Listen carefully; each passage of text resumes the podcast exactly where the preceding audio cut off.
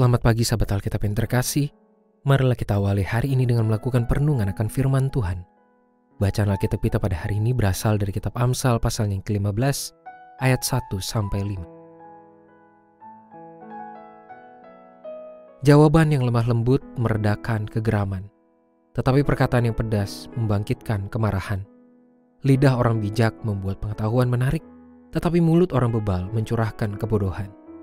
Mata Tuhan ada di segala tempat, mengawasi orang jahat dan orang baik. Lidah lembut adalah pohon kehidupan, tetapi lidah curang melukai hati. Orang bodoh menolak didikan ayahnya, tetapi siapa mengindahkan teguran adalah bijak. Tanpa bermaksud merendahkan atau menyudutkan suku tertentu, namun terdapat semacam stereotipe di tengah masyarakat terkait cara komunikasi berdasarkan kesukuannya. Ada suku tertentu yang dianggap cenderung kasar dalam berbicara, meskipun tidak ada niatan personal untuk membentak rekan bicaranya.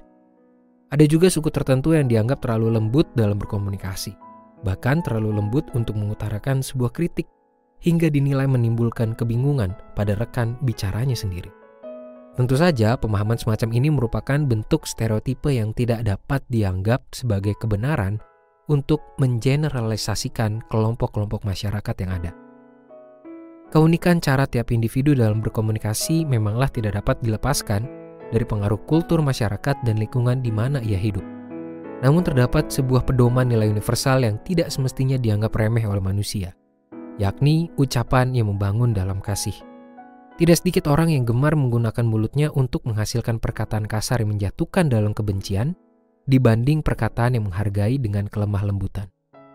Kualitas perkataan seperti ini pun tidak akan menemui hambatan, termasuk oleh stereotipe-stereotipe dalam masyarakat terkait cara komunikasi kelompok-kelompok tertentu. Secara khusus, kualitas perkataan yang lemah lembut dalam kasih sejati semestinya menjadi cara komunikasi yang konkret dari setiap umat Tuhan. Penyair Amsal sudah dengan tegas menunjukkan bahwa kualitas perkataan dari setiap umat Tuhan semestinya menghadirkan kelemah lembutan yang membangun, bukannya menjatuhkan orang lain dalam kebencian maupun keiri hatian.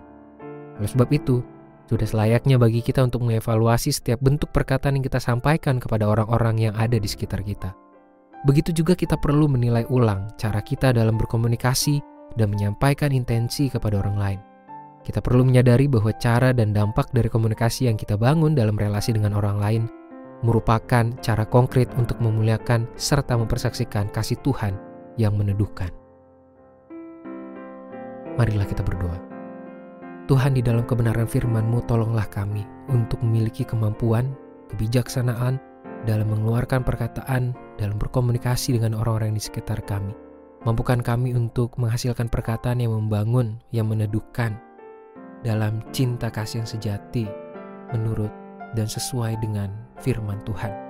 Biarlah kami mampu untuk menghasilkan perkataan-perkataan yang membangun orang lain, bukan justru menjatuhkan mereka biarlah perkataan kami boleh menjadi saluran berkat Tuhan.